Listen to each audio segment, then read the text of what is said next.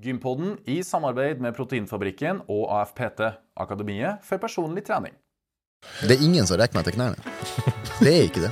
Og det er klart, når det er ren fakta, så, så det er bare å slå opp i leksikon, så står det Fritz Aanes er best. Beste brytetrening i Norge.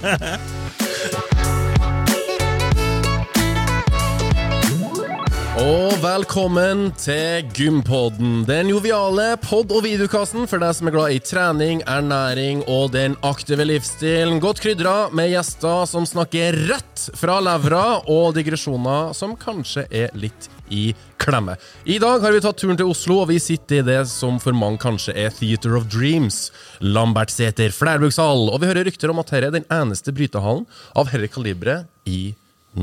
Mitt navn er Lasse Matberg. Jeg er jo en av to trønderske halvdeler som utgjør Gympodden, og med meg så har jeg som bestandig Fredrik By. Og Fredrik By, har du vært noe på gym i det siste? Det har jeg. Vi sammen hadde ei fellesøkt i dag tidlig. Åh, Den var helt forferdelig. Ja, Du som krydra den i dag tidlig, og Jeg svetter ennå. eh, litt svett i hendene ennå. Ja, jeg er faktisk det. Enn du? Bortsett fra den? Eh, Bortsett fra den så har vi jo òg økt i går. Ja. Eh, Så mm, Vi er jo på en liten innspillingsparade her. I Oslo, ja. Ja. Eh, Og jeg føler at vi egentlig har starta begge dagene på en så god måte som mulig. Absolutt. absolutt. Ja. Dagens tema er trenerrollen og bryting. Mm. Bryting har vi snakka litt om tidligere med Stig André. Ja, Han ga oss en veldig fin innføring i hva det egentlig gikk i, i forhold til hvordan det blir delt inn, og forskjeller og, og, og alt i hop. Anbefaler å høre på den episoden. Mm -hmm. Men trenerrollen har vi ikke snakka så mye om. Vi har vel hatt ingen trenere eller coacher med på Gympoden fra før i dag. I hvert fall ikke for et landslag. Nei. Men har du noe erfaring med å være trener? Ha den trenerrollen, da? Mm, jeg har jo nettopp avslutta mitt engasjement med Forsvaret. Jeg var der Ja. 15 år. Mm. så der har jeg jo vært uh, ja, leda litt i front, vært litt frampå. Um, jeg har jo vært PT, altså personlig trener. Jeg har vært coach. Jeg jobba jo i idrettslinja. Uh, gammel spinninginstruktør. 900 timer i beltet. Ikke verst, bare det. Oi, er det såpass? Ja, Men når trener um, i fotball eller i noen, noen sånne typiske idretter, nei. Nei. Har du? Nei, eh, ingenting. Nei. Eh, det er, jeg er jo instruktør da på, for spinning og Ja. tabata og sånn, så Ja. det er liksom det nærmeste vi kommer, tror jeg. Mm. Ellers så er det nada. Ok. Vi får se om vi får plukke opp noen tips her i dag, da. Uh... Det tror jeg vi absolutt får. ja, det er fare for det. For med oss i dag så har vi jo en veldig erfaren trener. Ja. Og for å få litt eh, kontroll på han, så har vi som vanlig en liten intro på lur. Og da er det vår fantastiske Cello. cello. Han gikk sine første steg inn på brytematta som seksåring på Narvik atletklubb. Han viste tidlig fram at han var en gutt med høy sjøltillit, og utmerka seg raskt i NM. Da han var tidenes nest yngste norgesmester for senior Bravo. som 14-åring i 48-kilosklassen. Wow. Siden den gangen har han banka godt ifra seg med fjerdeplass på VM i 2003, åttendeplass i EM, åtte verdenscupgull, åtte NM-gull, nordisk mester i 2005, to kongepokaler og avslutta karrieren med et solid NM-gull i 2008. Men han har ikke bare vært utøver. Fra 2012 gikk han nemlig inn i trenerteamet i brytelandslaget. Og med han på banen så har de henta inn 25 medaljer i EM, VM og OL. wow. Og ikke minst så har han jo fått uh, satt sitt preg på TV-serien Hodet i klemme. Og med det ønsker vi vår sjølutnevnte konge og landslagstrener velkommen. Fritz Aanes! Det var litt av en intro. Ja, Ja, Tusen takk for at jeg får være med dere. Var det godt oppsummert? Det var eh, helt ok oppsummert. Litt ydmykt, Eh, kanskje? Hei, når jeg snakker, så holder du kjeft. Det må være helt klart. Ja, ikke sant? Eh, hyggelig å være her. Nå kan du fortsette. Ja, ok. Um, vi bruker alltid å spørre om Har du vært på gym i det siste. Men uh, deg som jeg nesten spør, har du vært på TV i det siste? Jeg har både vært på TV og på gym i det siste. Har du det, ja? Ja, bra. Selvfølgelig så er vi jo litt aktuelle i TV-serien Hodet i klemme på NRK1. Og sist gang jeg var på gymmen, var i går kveld. For jeg har eh, faktisk gym i garasjen hjemme. Ja. Oh, ja. Er det en sånn greie for brytere, eller? For det har jo Stig André òg. Eh, Stig kopierte min. Oh, selvfølgelig. Hva trener du i går, da? Ja. I går så ble det litt eh, brøst og triceps. Ok, gode, gamle øvelser. Ja, litt singlet og pump. ok! Det er såpass, ja. Har du et bra treningssystem eh, for deg sjøl på hjemmegymmet? Ja, jeg har et bra opplegg der med, i garasjen min de- med Ja. de fleste apparater og det jeg trenger. Har du litt det- av brytematte der òg, kanskje? Nei, dessverre, det har jeg ikke. Ah. Det er bare han Stig som har det. Men du har jo lagt det opp så du trenger jo strengt tatt ikke. Nei. Men jeg har strippestang. Ja, Driver du med poledancing? Nei, jeg kødder bare. Jeg syns jeg har sett noen bilder av Stig André visste oss noe så greier, skjønner du. Men det kan vi snakke om litt etterpå. Men uh, du må ta oss med helt fra starten, da, i Narvik, Ja. der du vokste opp. Ja. Hvordan var det der? Du, jeg hadde en veldig fin oppvokst. Um, jeg er født eh, i Narvik. Hadde tre år på Framnes. Etter det så bygde faren min hus på Ankenes, så vi flytta ut til Ankenes da jeg var tre år. Oh, nå er du veldig lokalt, hører jeg. For Jeg jeg er vet veldig ikke hvor. Ankenes Nei, men alle vet hvor Ankenes er. Dem som vet, dem, dem vet. I hvert fall oppvokst med mamma og pappa og to søstre. Ja. Idrettsfamilie. Ren idrettsfamilie. Um, vi har vel ikke vært så veldig mye på ferie, familien vår. Så vi har mest vært på uh, fotballturnering, eh, treningssamlinger med bryting, konkurranser innen fotball og bryting, og ja, den eldste søstera mi spilte også håndball. Ok. Spilte du håndball? Fotball òg? Nei, jeg spilte ikke håndball, jeg Nei. spilte bare fotball. Okay. ja, ok. Var du god? Om jeg var god? Ja. Hadde jeg ikke satsa bryting, så hadde jeg nok mest sannsynlig vært på landslaget i fotball. Ok! Det er ikke for å skryte, det er bare fakta. Premier League og litt sånne ting, eller? Mm, ja, det tenker jeg. Hva er favorittklubben? I eh, Fotball? fotball? Ja. Nei, det er sportsklubben Harus. Det var det jeg spilte på. Ah, ok. Ja. Er de gode, da? Ja, de er vel sånn Hvilken divisjon er de? Nei, jeg tror det er fjerde-femte divisjon. Men hvis, men hvis du hadde vært med fortsatt, da hadde de vært i Ja, det hadde vel vært kort tid der før jeg hadde hoppa videre. ja. Som et springbrett, altså. Men det er jo ikke fotball du er mest kjent for. Nei. Det er jo bryting. Det er bryting, ja. Ja. Eh, Jeg kommer jo fra brytefamilie i Narvik. Og eh, både på mor min sin side og far min sin side så er det jo brytere. Ja. Ja. Morfaren min, som jeg er oppkalt etter, som heter Fritz Seines, han var bryter. Okay. Og på eh, faren min sin side så var jo både faren min og onklene mine brytere. Så når jeg var seks år gammel, så Var det store sko å fylle? Ja, det var store sko å fylle, og det var jo ikke akkurat som jeg fikk velge idrett. Det var liksom Jeg ble satt i bilen og kjørt på brytetrening. Okay. Okay. Så du opplevde kanskje at fotballskoene ble gjemt Hvor er, fo hvor er fotballskoene mine? Og så hadde faren Nei, vært og gjemt dem under trappa? Det var ikke sånn, da. Men, men eh, for faren min var jo eh, også brytetrener og fotballtrener til meg. meg. ja. Så han var også en gammel fotballspiller på Mjølner, da. Som eh, likte at jeg spilte fotball, men det var ikke noe tvil om hva prioriteringa skulle være. Ok. Men han tok deg med da, som seksåring. Som seksåring ble jeg tatt med på Men skjønte du hva det liksom kom til, eller var det litt sånn nytt? Eller? Nei, det var ikke noe nytt. Det var det ikke. Jeg hadde vært og sett på noen brytestevner. Jeg Fikk jo min første brytedrakt da jeg var to år. Oh, ja, okay. Så det, ja, okay. det er jo det var ikke noe valg. Nei. Men hvordan var det for deg, da? Hadde du lyst til å bryte, eller var det liksom Du, jeg hadde gledd meg i mange år. Oh, ja. Jeg hadde egentlig lyst til å starte tidligere, men man fikk ikke starte tidligere. Å nei. Men dere trena kanskje litt hjemme og sånn? sånn Ja, jeg har jo og litt med hun ene søstera mi også, som har vært bryter. da. Er hun gamlere enn deg? Hun er to år eldre enn meg. Ok. Ja. Og det ryktes faktisk, men det må jeg bare avklare med en gang, at det ryktes at hun hadde større biceps enn meg når vi var mindre. Ja, for Og det har jeg òg hørt. sant. Jo, det har jeg òg hørt. Men Fikk du juling av søstera, da? Selvfølgelig ikke. Men du ble tatt med på brytehallen? Ble du utmerka som et talent fra start, eller? Ja, altså, det var jo ganske tidlig at det her var for meg, og at jeg hadde Ja. talent for det her. da. Så det var jo ganske tidlig alder jeg begynte å vinne de fleste kampene. Og ja, reiste rundt i hele Skandinavia og nesten ikke tapte en kamp på to år.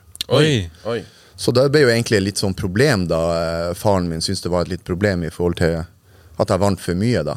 Så han begynte å sette meg opp i både vektklasser og aldersklasser så, som jeg skulle tape. da. For at du skulle tape Ja, før jeg skulle tape, ja. Men var, var du litt sånn eh, høy på pæra da, eller når du liksom hadde den seiersstreaken? Ja, det var vel det han var interessert i å jekke meg ned på, tenker jeg.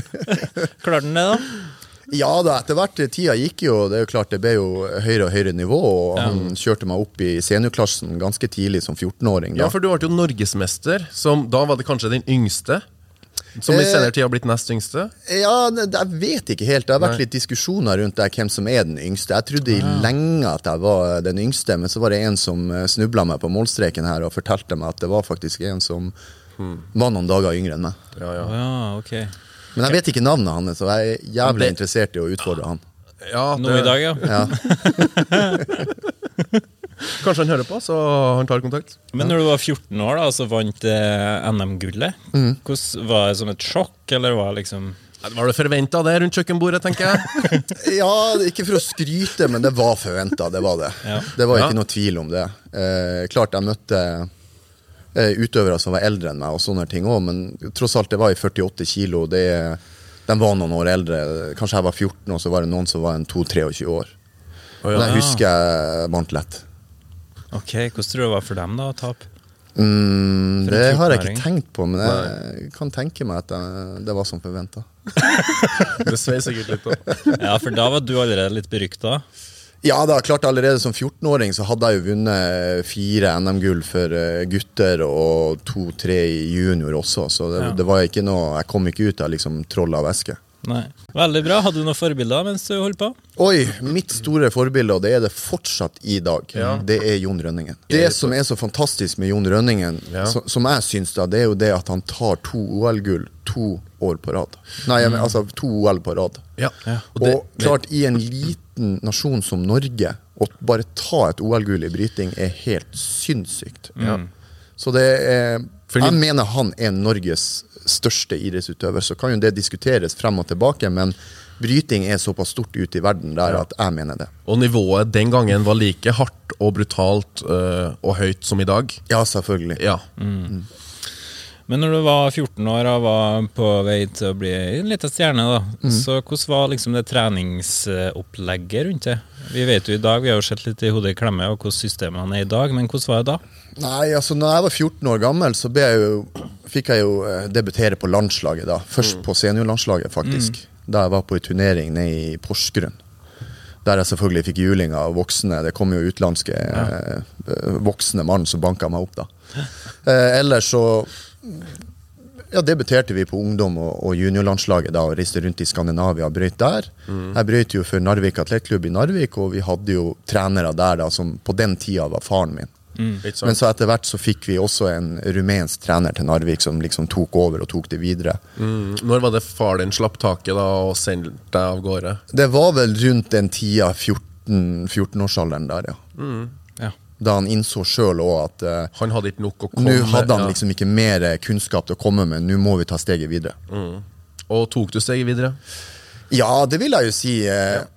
klart, eh, karrieren min var jo utrolig lysende i starten. Ja. Og eh, jeg vel, var vel på den tida kanskje Nordens største brytetalent. Det var jeg. Ok. Ikke mer, ikke mindre. Nei. Nei. Nei, vi ser jo det på merittene dine, at du har jo imponerende Men du sier nordisk. Hvor stor eh, bryting i Sverige og Danmark, Finland, kontra Norge?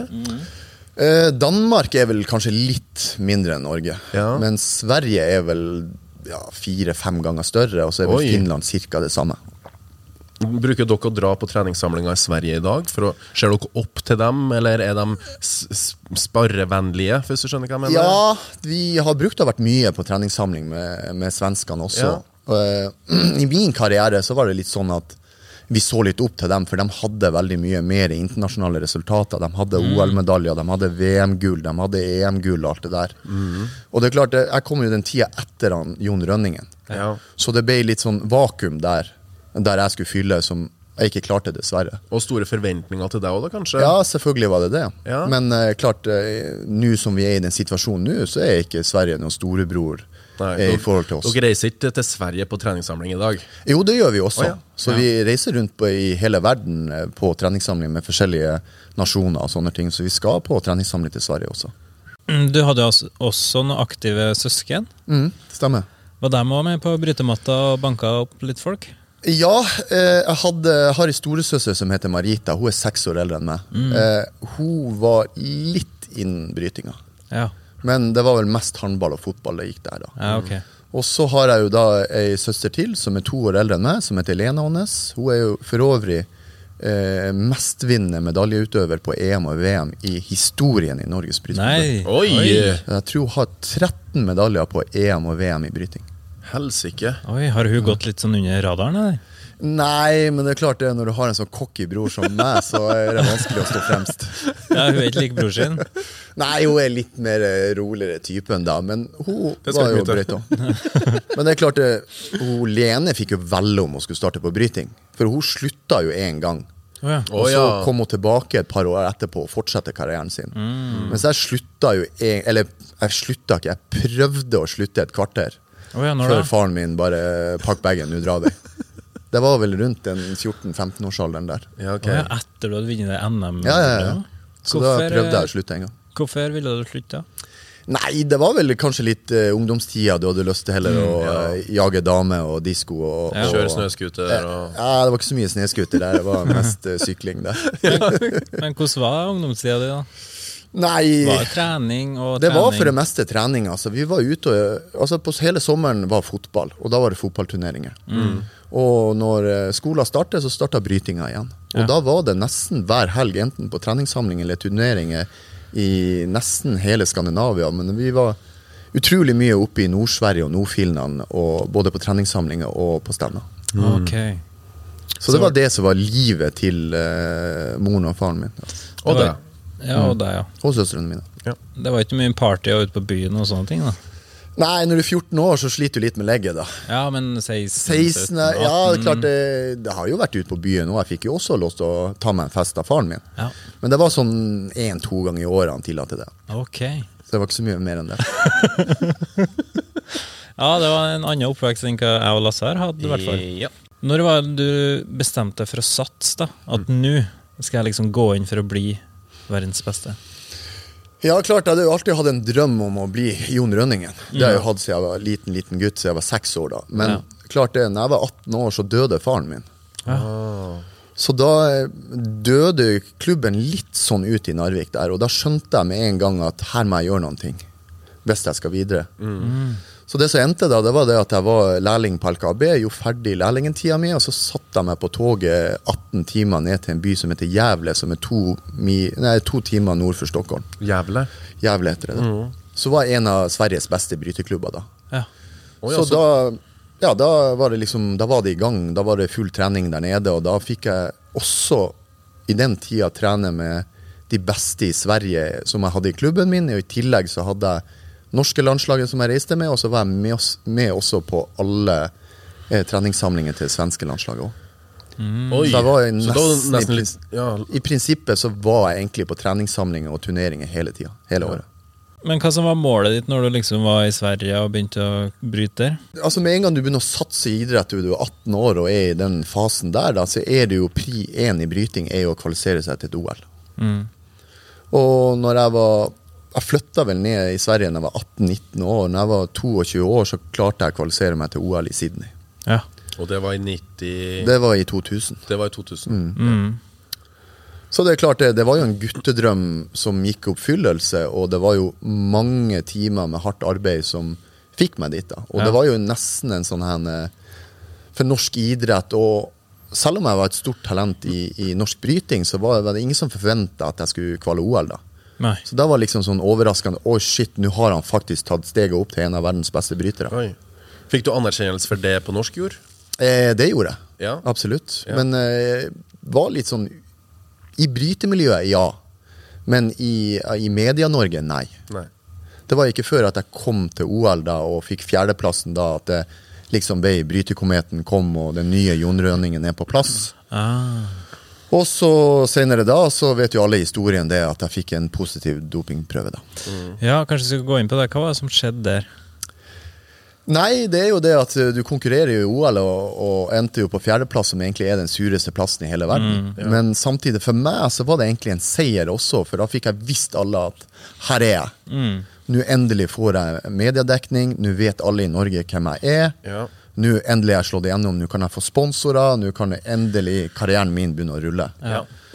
Og etter eh, konkurransen var ferdig, så fikk jeg en, en dopingtest, da, Og så tre dager etterpå så fikk jeg telefon med at den var positivt. Hva som ringte da? Eh, det var Åse Havneli som var nestsjef i Olympiatoppen som ringte da. Ja. Og hva sier du da, når hun ringer?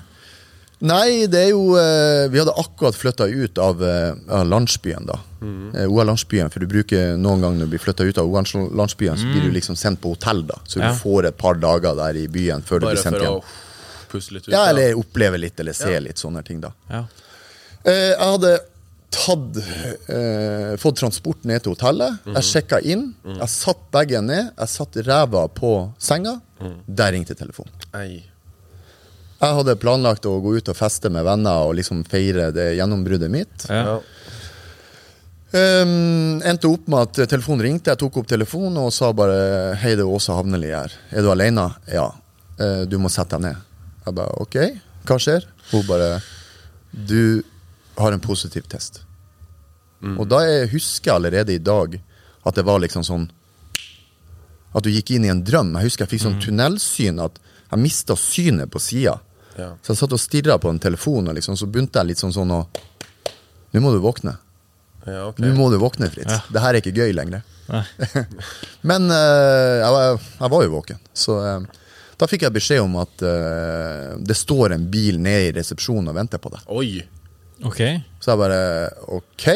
Ja, så du må ta bagen ned og gå i resepsjonen. Så jeg tar opp bagen min og går ned i resepsjonen. Og der står det en helt fremmed mann i sånn transportbil som er i OL, da, som har det som jobb. da. Og da spør han bare Mr. Aanes, yes, follow me. Jeg er rett inn i bilen, og så er det tilbake til OL-landsbyen. da. Ja. Ok. Og så er det B-prøve og Ja, det kommer jo lenge etterpå. Det er jo Altså det, det er jo opp der, da, og så er det jo til leger og alle lederne i Olympiatoppen. Og det er jo ikke ja. akkurat som jeg kommer med bagasjen min, de tar den fra meg med en gang. Eh, det er Det er ikke pakking ut av bagen. Det er riving ut av bager, og, og tøyet fløy ut av bagen. De endevendte alt jeg hadde.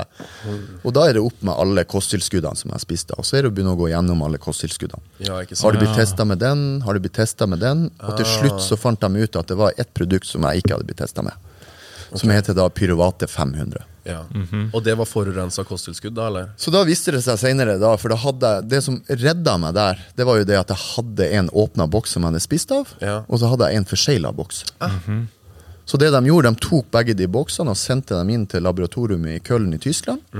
Og så kom heldigvis for meg i ettertid da eh, svaret tilbake at det inneholdt nandrolon i begge boksene. Ok. Og hvilket stoff er det der? Nandrolon er jo anabole steroider. Ja, det er det, ja. Mm. Mm. Følte du at du ble dømt med en gang eh, av forbundet og dem som Eller følte du at du ble tatt i vare på? Ja, det, det må jeg si, altså. Ja. Om jeg ble trudd hos alle, det ble jeg nok sikkert ikke. Nei. Men hvordan var det å få den smellen, da?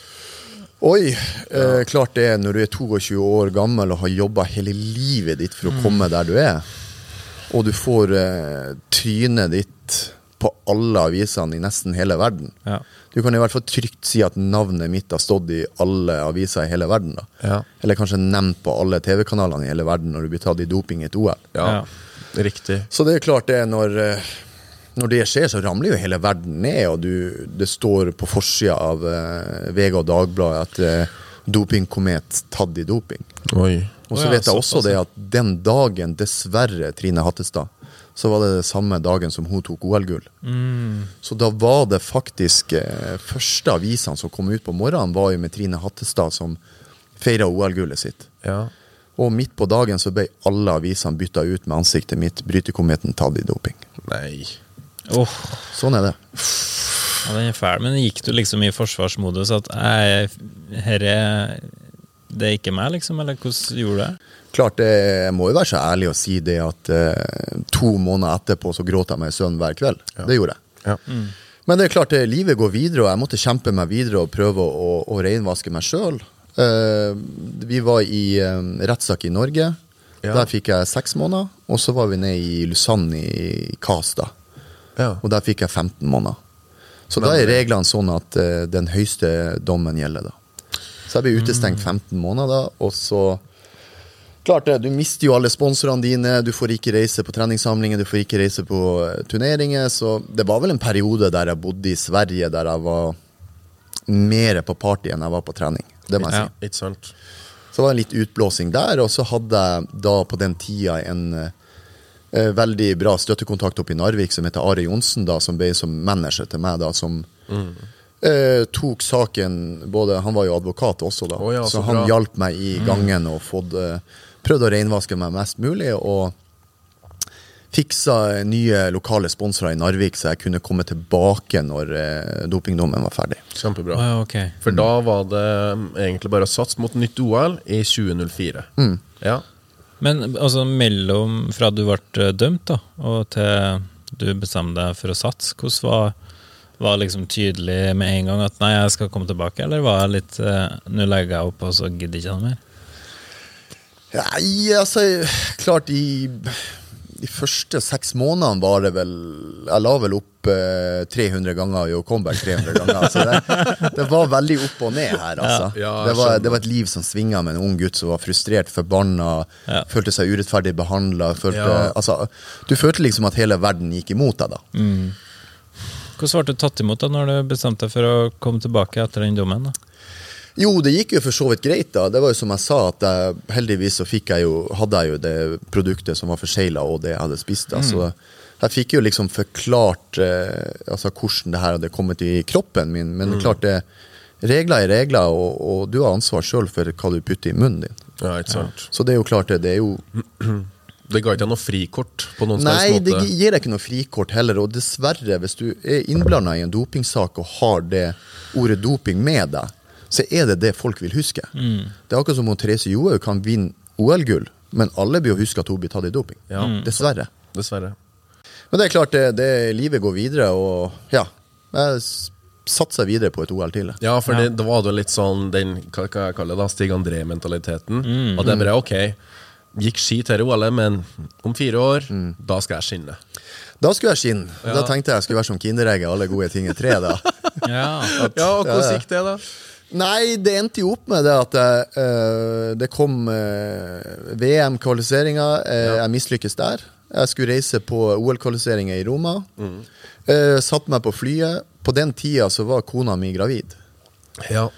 Så da satte jeg meg på flyet og reiste til Roma, og så når jeg landa på Roma, så, f- eh, i- på Roma, i Roma, eh, så fikk jeg en telefon fra kona mi der eh, hun fortalte meg at det var komplisert med barnet i magen.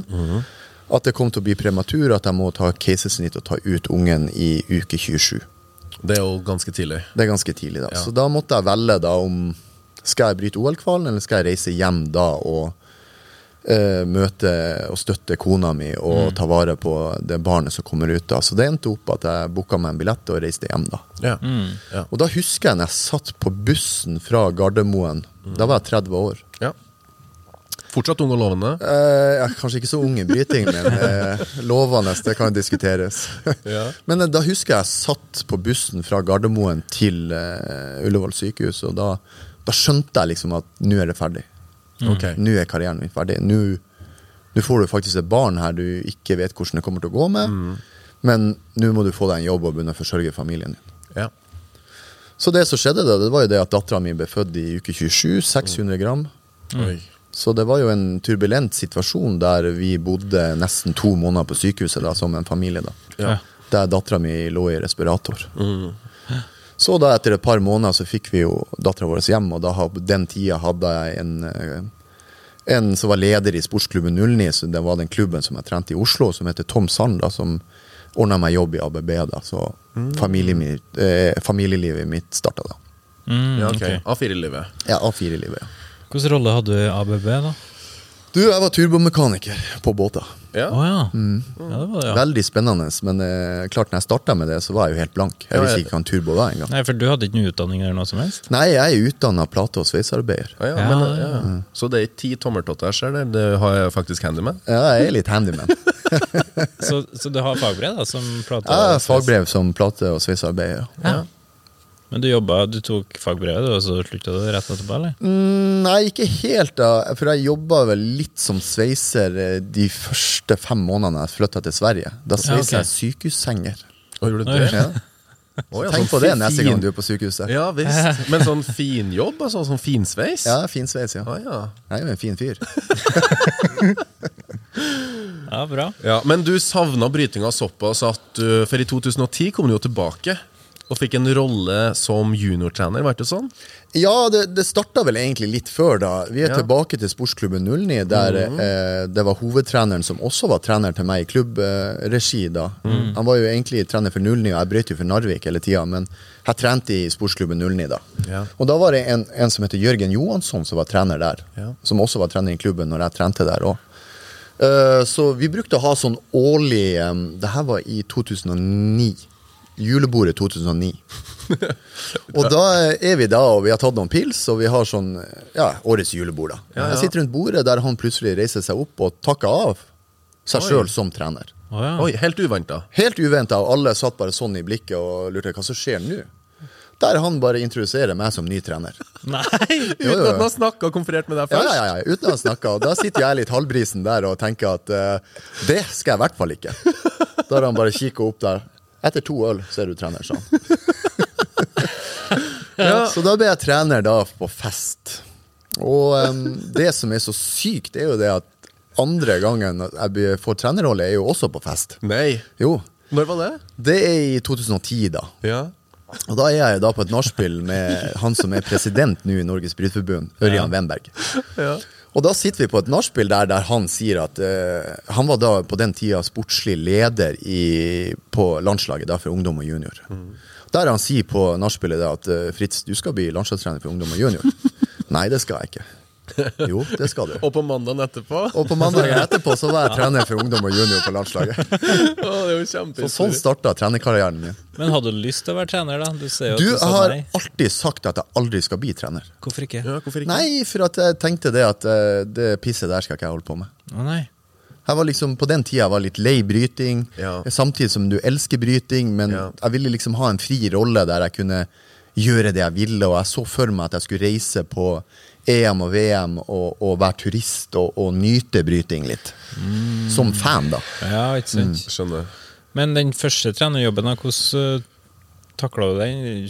Du, det gikk eh, kjempebra. Ja. Eh, gikk eh, rett inn i og dominerte hele Bryte-Norge og gjorde eh, Sportsklubben 09 til Norges beste klubb med en gang. Nei, gjorde det? Er det, er det sant, eller legger du på? Nei, det er sant. Sa ikke jeg at du skal holde kjeft når jeg snakker? Ja, ja, ja.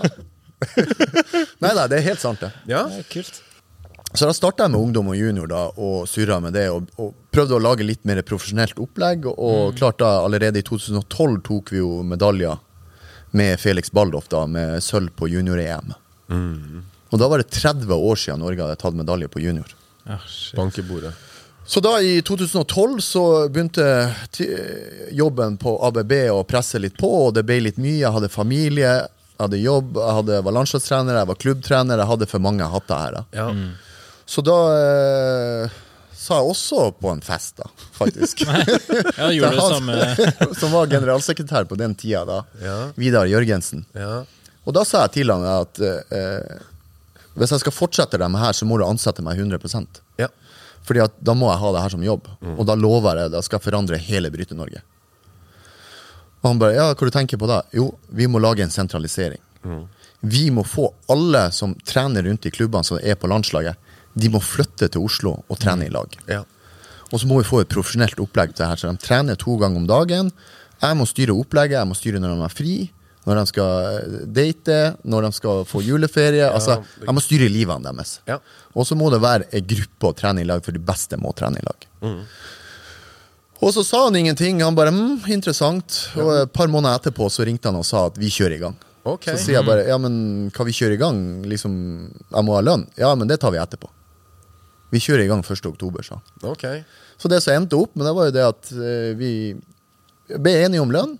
Eh, 1. oktober nærma seg, og jeg ringte han Vidar Jørgensen og sa det at Ja, hvordan starter vi det her, da? Nei, det er jo du som har solgt inn, det er ditt problem.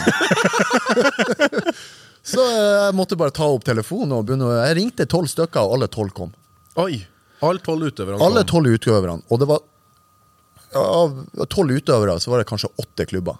Ja, For da visste du hva som beveget seg ut Ja, ja, i det ganske land. Du visste hvem som Jeg visste hvem jeg ville ha. Ja, ikke sant? Ikke Så, men det er klart, det var jo åtte klubber som ble dritforbanna på han Fritz Aanes siden jeg tok utøverne deres. Ja, men Så i begynnelsen så var det jo veldig negativt til sentraliseringa. Med det at ja, du stjeler utøverne våre. Nei, jeg stjeler dem ikke, jeg bare gir dem en reell sjanse til å lykkes. ja, og med fasit i hånd, da, så kan vi jo Hvor mange medaljer har det blitt siden den gang? Eh, siden den gangen har det blitt eh, 25 medaljer til Norges Bryterforbund. Og det er jo hatten av. Ja, og det, vi, det viser jo bare at eh, opplegget ditt har fungert.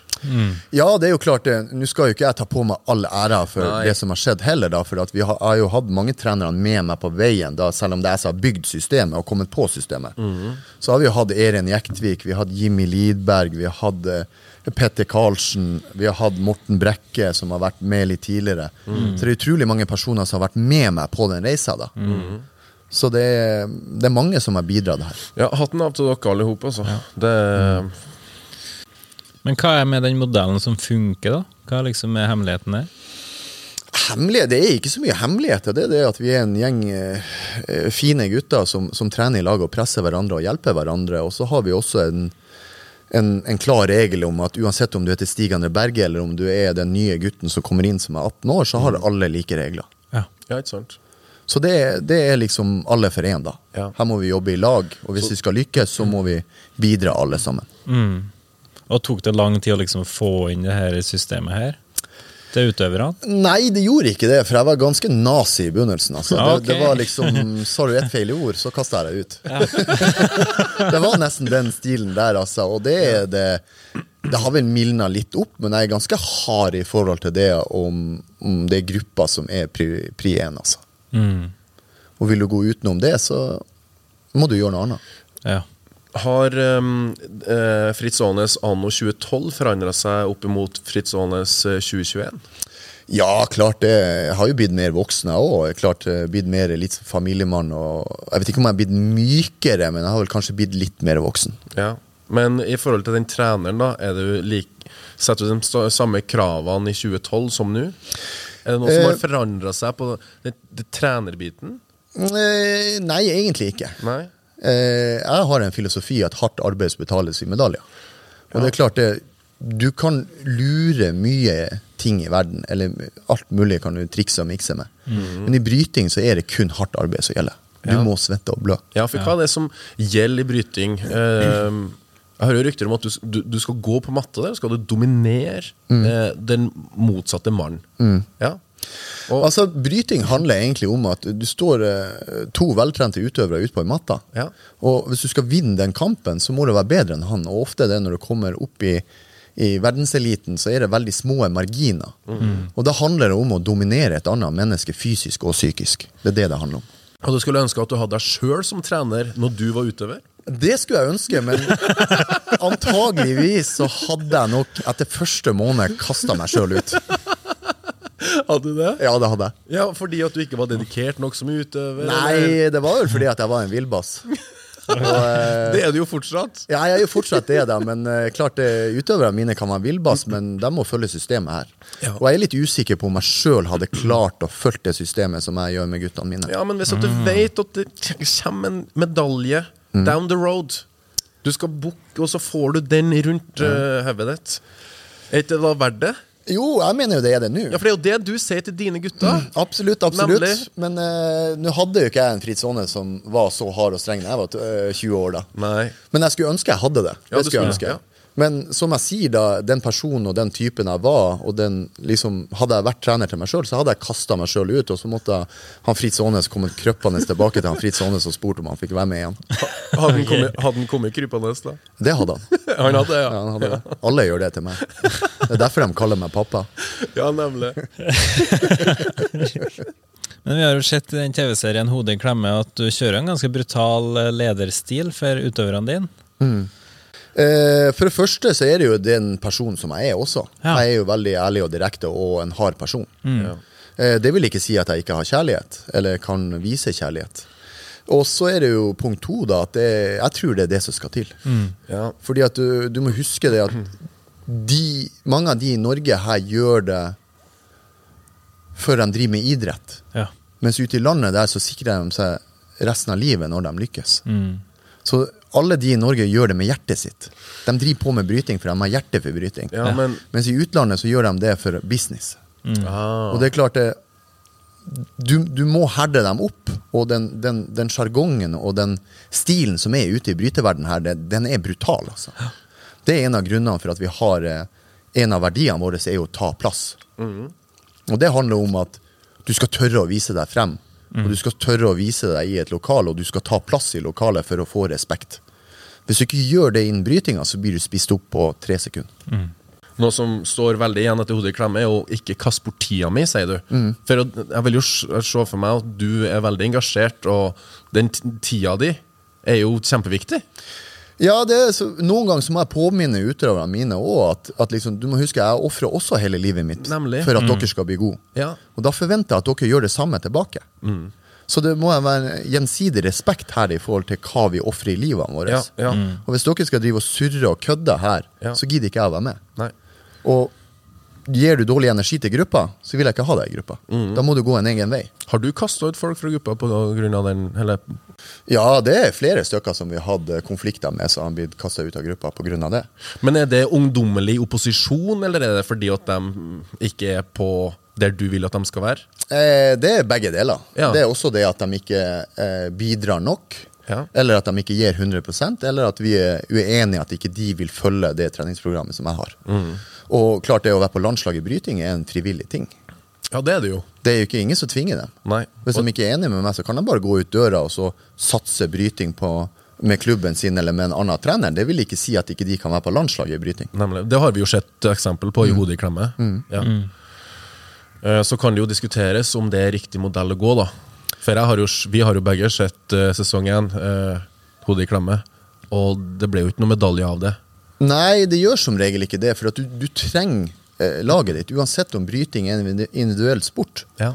så er du så avhengig i treningshverdagen, den backinga og den romkompisen og den gode stemninga og drakrafta du får av å trene i gruppe. For den er faktisk helt enorm. Ja. Eh, Du sier laget ditt. Hvor mange består det av? Eh, akkurat nå, når sesongen kjører i gang, nå, så har vi eh, seks stykker som har kontrakt, og så har vi to stykker som står som vi vurderer. Så vi, og så er det noen som er med og trener med oss som er, ikke har kontrakt, eller er, som også er på landslaget, da, men ikke blir prioritert på samme måte. Så vi, vi er vel totalt elleve stykker i treningsgruppa mi. Hvor mange er det plass til? Hvor mange evler du med? Eh, det vet jeg ikke, men klart det, det er en grunn for at vi har gjort gruppa litt mindre med mindre Ja. kontrakter. Det er jo fordi at vi skal Kvalit følge opp eh, utøverne enda tettere og mer kvalitet. Kvalitet før kvantitet. Selvfølgelig. Daukjøtt er ikke noe fan av. Nei. Eh, Nemlig. Du sa òg at nå er det rett før sesongen starter i gang, men hvordan er en brytesesong? Du, Vanligvis så er det sånn at uh, vi starter litt før jul. Ja. Og da begynner vi med oppkjøring og oppbygging og sånne ting. da, Og så er det ut i første høydepunkt kommer jo da ut i januar med noen turneringer og treningssamling og sånne ting. NM, da, eller? Ja, NM og Men for de guttene som jeg trener, er egentlig ikke NM noe mål. Vi satser på medaljer på EM og VM. OL. Nemlig. Så EM bruker å komme ut i mars-april, Ja. og da har de litt fri. Etter det to-tre uker, fire uker, det kommer an på hvordan sesongen har sett ut. Og så starter vi på nytt igjen med oppbygging, og så er det VM i september, oktober, november, rundt der, da. Nemlig, og det har vi jo nettopp sett. Det var jo VM på hjemmebane. Og gratulerer, der ble det jo bronsemedalje til Oskar. Plogen, som han blir kalt. Ja, Tåsenplogen. Ja. Tåsenplogen, det? Det var jeg som ga han det navnet. Var det det, ja? Ja, ja, har, du, har du noe kallenavn, eller? Nei. ikke? Nei, ikke noe sånn spesielt. De bruker å kalle meg hestkuk, da, men jeg vet ikke om det er et kallenavn. Mellomnavn? Ja, mellomnavn, ja. Men Du sa du hadde ca. 11 utøvere da, i den stallen din. Hvordan gjør du liksom treningsopplegget? Skreddersyr du eget opplegg for hver og en av dem, eller er det liksom Eh, nei. Eh, generelt det med brytetrening, så er det eh, like treninger på Ja. brytinga. Men det som er skreddersydd altså på brytetrening, det er jo det at de jobber jo med forskjellige egne teknikker når vi har teknikk. Ja. Og så har vi en del som basic teknikk vi må gå gjennom med forsvar og, og sånne ting, som er Ja. som baseprogram. da. ja. Og det er Men- for en i 48 kilos som for en i 130 pluss. Ja, det er ganske likt. Ja. Ganske likt. Ja. Så det er en del små tilpasninger som vi gjør til dem, da. Men når det kommer til Alle har jo sine styrker og sine teknikker da, som vi jobber spesifikt med. da. Og så har vi da eh, litt sånn løpeprogram og styrkeprogram også, som er et basic program, og så kan de tilpasse det litt, da.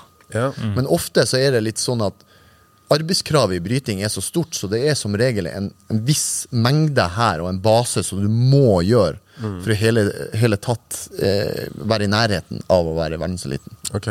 Eh, Du sa det er to treninger per dag, sånn cirka. Cirka, ja. Hva de består av, da? Eh, det er da bryting, ren brytetrening. Det er styrke, det er sirkeltrening, og det er løping i forskjellige ja, intervaller på mølla, løping ute, pulsløping, sånne ting. da. Men det er du som legger opp hele løpet der? Det er jeg som legger opp hele løpet, ja. Ja. Men er brytetrening hver eneste dag, eller er, har dere litt fri? Eh, fra nei, i løpet av ei uke når vi er hjemme, så er vi ca. fire brytetreninger i, i uka. Men selvfølgelig når vi er ute og reiser på, på treningssamlinger, så blir det jo ofte veldig mye. Det kan det være opptil seks-syv. Ja. Og det er nesten på grensa, for et brytetrening er såpass belastning på kroppen. så Ja, nemlig. det er helt på grensa der hvor mye du kan trene bryting før hele kroppen ryker. Vi har selvfølgelig eh, økter der vi kun kjører teknikk, der mm. liksom nivået er ganske lavt. Da, men det, er, det er vanskelig å, å, når du skal gå kamp i bryting, å, og ta det rolig. Det er nesten, det er litt sånn, Enten er det full go, eller så er det Ja. ingenting. Hvorfor er det så hardt, da? Er det for at eh, alt jobber samtidig?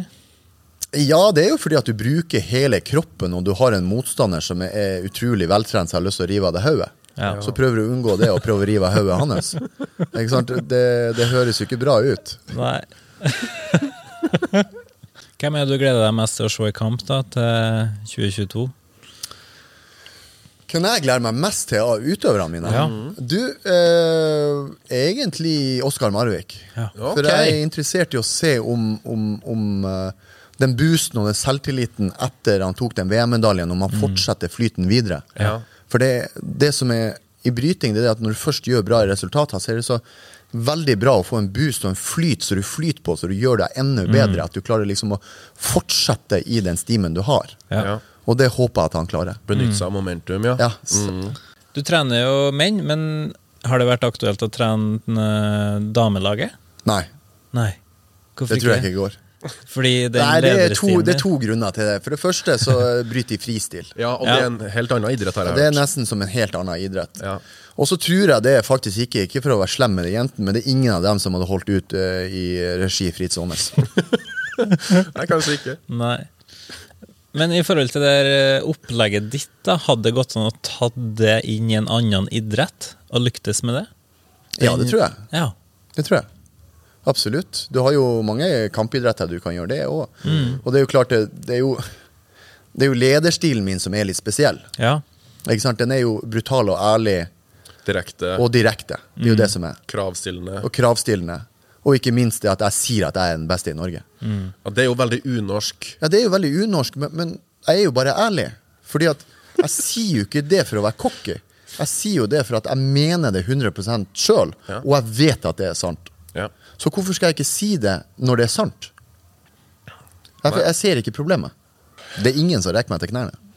Det er ikke det. Men det som Jeg sier, jeg, jeg sier ikke det for å være cocky, det, det er ren fakta. Ja. Og det er klart, når det er ren fakta, så, så det er bare å slå opp i leksikon, så står det Fritz Aanes er best. Beste brytetrener i Norge. Du er jo aktuell, har jo en av hovedrollene i den nye TV-serien Hodet i klemme. Og den Jeg har har jo ikke en av hovedrollene. Jeg er Du er hovedrollen igjen, beklager. Det er min serie. Ja, vi skal slå opp i leksikon etterpå og dobbeltsjekke det òg. Men hvordan har det vært? Var dere skeptiske, eller var det liksom yes? ja, Har du vært med på TV før? Jeg har ikke vært så mye på TV før, det har jeg ikke. Jeg har vært litt sånn smådrøp da. Men uh, klart, vi var kjempenervøse om det her skulle slå an. For Ja. vi hadde brukt mye energi og mye tid tar det å være med i en sånn TV-serie. Det har vært en distraksjon. Hei, ja og nei. Det har vært eh, Det har vært vanskelig å ha dem hele tida der. Ja. Det har vært vanskelig. Men klart det, når det er gøy og det er litt filming, og sånn, så gir det litt bus også. Men når det ikke går så bra, så er det ikke så hyggelig å ha dem de- der heller. Ja, De filmer jo litt vonde eller vanskelige øyeblikk òg. De skildrer jo Bryte-Norge på godt og vondt. Ja, det gjør de. Ja. Men det, det syns jeg er riktig òg at man skal gjøre. Ja. Ja. For hvis vi hadde lagd en TV-serie som alle andre sports-TV-serier, ja. så hadde det bare vært nitrist. Ja. Sånn solskinnshistorie er jo litt Ja, ja. snork òg, syns jeg, da. Eh, Så det er jo kanskje derfor han har slått så godt an nå. Jeg tror det er ærlighet med kjærlighet. Ja. Hvordan føler du den har skildra deg da, som person? Eh, klart det, det. Når den introen kom, så var det litt hardt. Og det er klart det, etter episode én så tenkte jeg bare wow, så fortsett sånn her. Da kommer det opp egen en sånn der hatgruppe mot Fritz Aanes. Hva sa Ja. kona di? Nei, hun, uh, hun, uh, hun sa egentlig ikke så veldig mye. Det var eneste mora mi som ringte og spurte hva faen er det her for noe. Hun, f- hun nevnte vel noe sånt at hun måtte flytte til Afrika eller et eller annet sånt. Men det er klart, det, det var eh, ganske hardt og brutalt i begynnelsen, men, men det er jo det jeg er òg. Ja. Så eh, ja, kanskje litt satt på spissen i begynnelsen, men det er jo klart det at hvis du følger en person i ett år, da, og så drar du ut det verste som har skjedd på ett år, så er det ganske lett å lage en brutal førsteepisode. da. Klart. Ja. Ja. Men det er klart, jeg mener jo også det at NRK har vist meg, etter hvert når du ser hele serien, eh, den komplette Fritz Aanes, for det er sånn jeg er. Ja. Det er ikke noe tilgjort, det er ikke noe fjasa, eller det er det jeg er. Ja. Så kan du enten elske eller hate det. Det er ditt problem, det er ikke mitt. Og som vi har sagt mange ganger, vi har jo snakka med Stig André, og Stig André snakka jo veldig varmt om det. Han gjorde det. Ja, så hatten av for det òg. Ja. Ja, fin gutt. Ja. Flink gutt. Flink. Men han er også blitt en del av teamet ditt, da. Ja, Hvordan er det? Er han din høyre hånd, eller skal han stå to skritt bak? Eller er dere likestilt, eller hvordan er det? Nei, vi er jo egentlig likestilt, bort, øh, bortsett fra at jeg bestemmer. Ja, Så det, så det Og når du enkelt. snakker, så holder resten kjeft? Ja, da holder han Stig kjeft. Nei da, så det um, Klart det, som hovedtrener så må du ta uh, noen gang uh, avgjørelser som er uenigheter i. Ja. Men uh, jeg tenker ikke det at jeg er noe mer viktig enn han. Han Nei. er like viktig som meg. Men Nei. klart i noen situasjoner må jeg ta avgjørelsen. Ja. Men diskusjoner og ulike innfallsvinkler er jo òg veldig sunt, da, tenker jeg. Ja, så lenge han gjør som jeg sier. Ja, nemlig. Og det kan jo være smart, da, for det er jo ulike personligheter i den utøvergruppa. Ja, og det har jo òg hodet i klemme Mm. vist. Mm. Det er veldig mange som tåler den direkte stilen din veldig hardt. Mm. Og så er det noen som kanskje må strykes litt mer med hårene. Ja, klart, eh, folk er jo forskjellige, og Fritz Aanes er jo den han er. Ja, Ja. Så det er jo klart, eh, jeg ser jo veldig frem i å få han Stig inn i teamet. Nå har han jo akkurat starta, da. Men at vi får begynne å jobbe litt ordentlig og satt det her liksom i ordentlig system, da. Ja. For det er klart, det, det er jo mange av de utøverne som trenger heller en samtale med Stig Berge enn Fritz Aanes. Ja, det, det, det, er fakta, og det er ærlig. Du, eh, før vi går eh, videre til vår faste spalte, så er jo sånn at du har eh, Vi har hørt, da, i, eh, i blant utøverne dine, at du har et forbilde til. Ja. Hvem er det? Lasse Matberg. Du har begynt å spare skjegg, hår Ja Hæ, er det sannhet i det? Jeg vet ikke om, eh, om du er forbilde, men du er jo en sexy boy, da. Første gangen jeg har blitt kalt sexy boy. jo, men takk. Ja, ja. Ja. Nei, det er jo en uh, røslig uh, rå viking her. Klart jeg Ja. ser jo opp til vikinger. Vi har en fast spalte som heter Ti kjappe, der vi stiller gjesten ti kjappe spørsmål. Ja, egentlig er det som 15, 16, 17, da. Ok, bare Ja, men du skjønner. Flo eller fjære, typ. Ja. Ja. Klar? Proteinshake eller proteinbar? Proteinsjekk. Trene med pulsklokk eller ikke? Pulsklokke. Hjemmetrening eller trene på gymmet? Hjemmetrening. Trene med musikk på øret eller uten? Love balance. Hæ? Jeg kjører kun rolige kjærlighetslåter når jeg trener. Nei, gjør du det? Ja, Ja, det er en fun fact om en som jeg ikke visste. Nei, er det sant? det er sant. Oi, har du ei sånn spilleliste du kan dele med oss? Ja, det er jo eh, inn på Spotify, så bruker jeg jo bare å Å ja, så Skal vi se den som jeg bruker. Jeg bruker den her eh, Soft 2000 heter den. Da er vi Soft 2000 her, da. Må Ja, ok. sjekke ut den når du tar det i neste treningsøkt. ja. Eh, lag mat sjøl eller takeaway? Take Takeaway. Delta på Skal vi danse eller Mesternes mester? Skal vi danse. Ok. Oi, oi, oi. Kaffe eller energidrikk? Eh, energidrikk. Fritz eller kong Harald? Fritz. Fritz eller Stig André? Fritz. Fritz eller kona? Fritz. Ok! Den var grei! Eh, Hodet i klemme eller parterre? Eh, parterre. Narvik eller Oslo? Eh, Narvik. Narvik atletklubb eller Lambertseter bryteklubb? Narvik atletklubb. Manbun eller håret løst? Manbun. Tren med eller uten kona? Uten. Kostholdsplan eller freestyle-tallerken? freestyle-tallerken. Individuelt OL-gull eller OL-gull som trener? OL-gull som trener. Oi! Mener du det? Ja. Kult. Generell oppvarming eller spesifikk oppvarming? Eh, spesifikk. Tøy ut eller reise rett hjem etter trening? Badstue. Badstue, vet du. ja, nordnorsk. eh. Eh, Lasse eller Fredrik? Lasse. Yes! Den første! På tide! Alle svarer Fredrik! Ja, men det, altså, det han det Ja, men vi har jo en liten sånn bromance. Ja, eh, har det, vet du, så jeg er ikke overraska. Men eh, da er vi på siste, med Ja. viktigste. Trappa eller heisen? Trappa. Bra. Bra. Veldig bra. Du var flink! Det banka jo gjennom eh, på ett kjør her. Ja, dette var meget. Det med Fritz var jo veldig enkel, da, oppdaga jeg. Ja.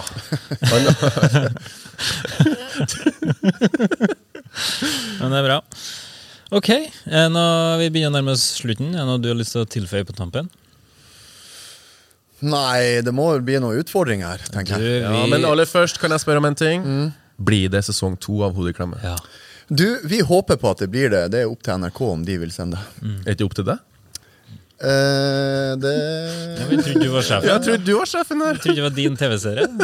Vent, Nå må jeg ta en telefon. Ta den etterpå. Ta den etterpå. Yes. Eh, vi har jo en fast spalte til, som er en challenge. Der, ja, mm. vi. eh, der gjesten utfordrer Lasse i en sportslig aktivitet. Så nå er vi veldig spent på hva Fritz har eh, planer om. Vi skal rett og slett ut på dansegulvet på brytematta. Ja. Jeg utfordrer deg i bryting. Det skjønte jeg egentlig lå litt i kortene. Men er det, jeg lurer på hvor mye fordel får jeg? Skal du ha bind, bind for øynene? Er det, jo, Jo. kom igjen. Ja, det Ja, du skal få bruke begge hendene, men må du ha synet ditt?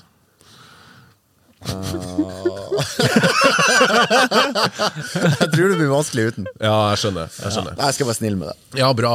Um, hvordan blir kampen? Er det to minutter? Er det seks minutter? Er det Jeg tenker det blir opp til deg hvor lenge du varer. Oi, oi, oi, jeg skulle akkurat å si det samme Men du til kan deg. få et par runder. Det kan du få.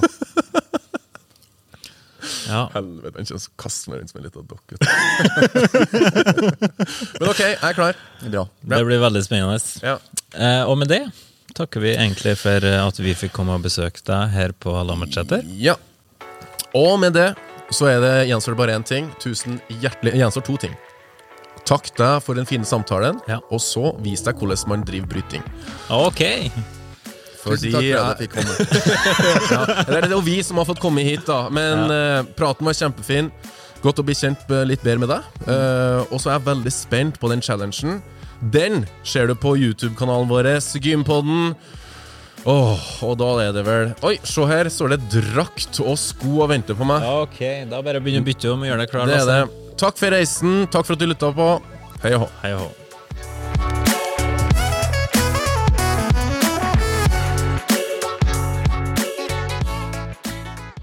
Gympodden i samarbeid med Proteinfabrikken og AFPT, Akademiet for personlig trening.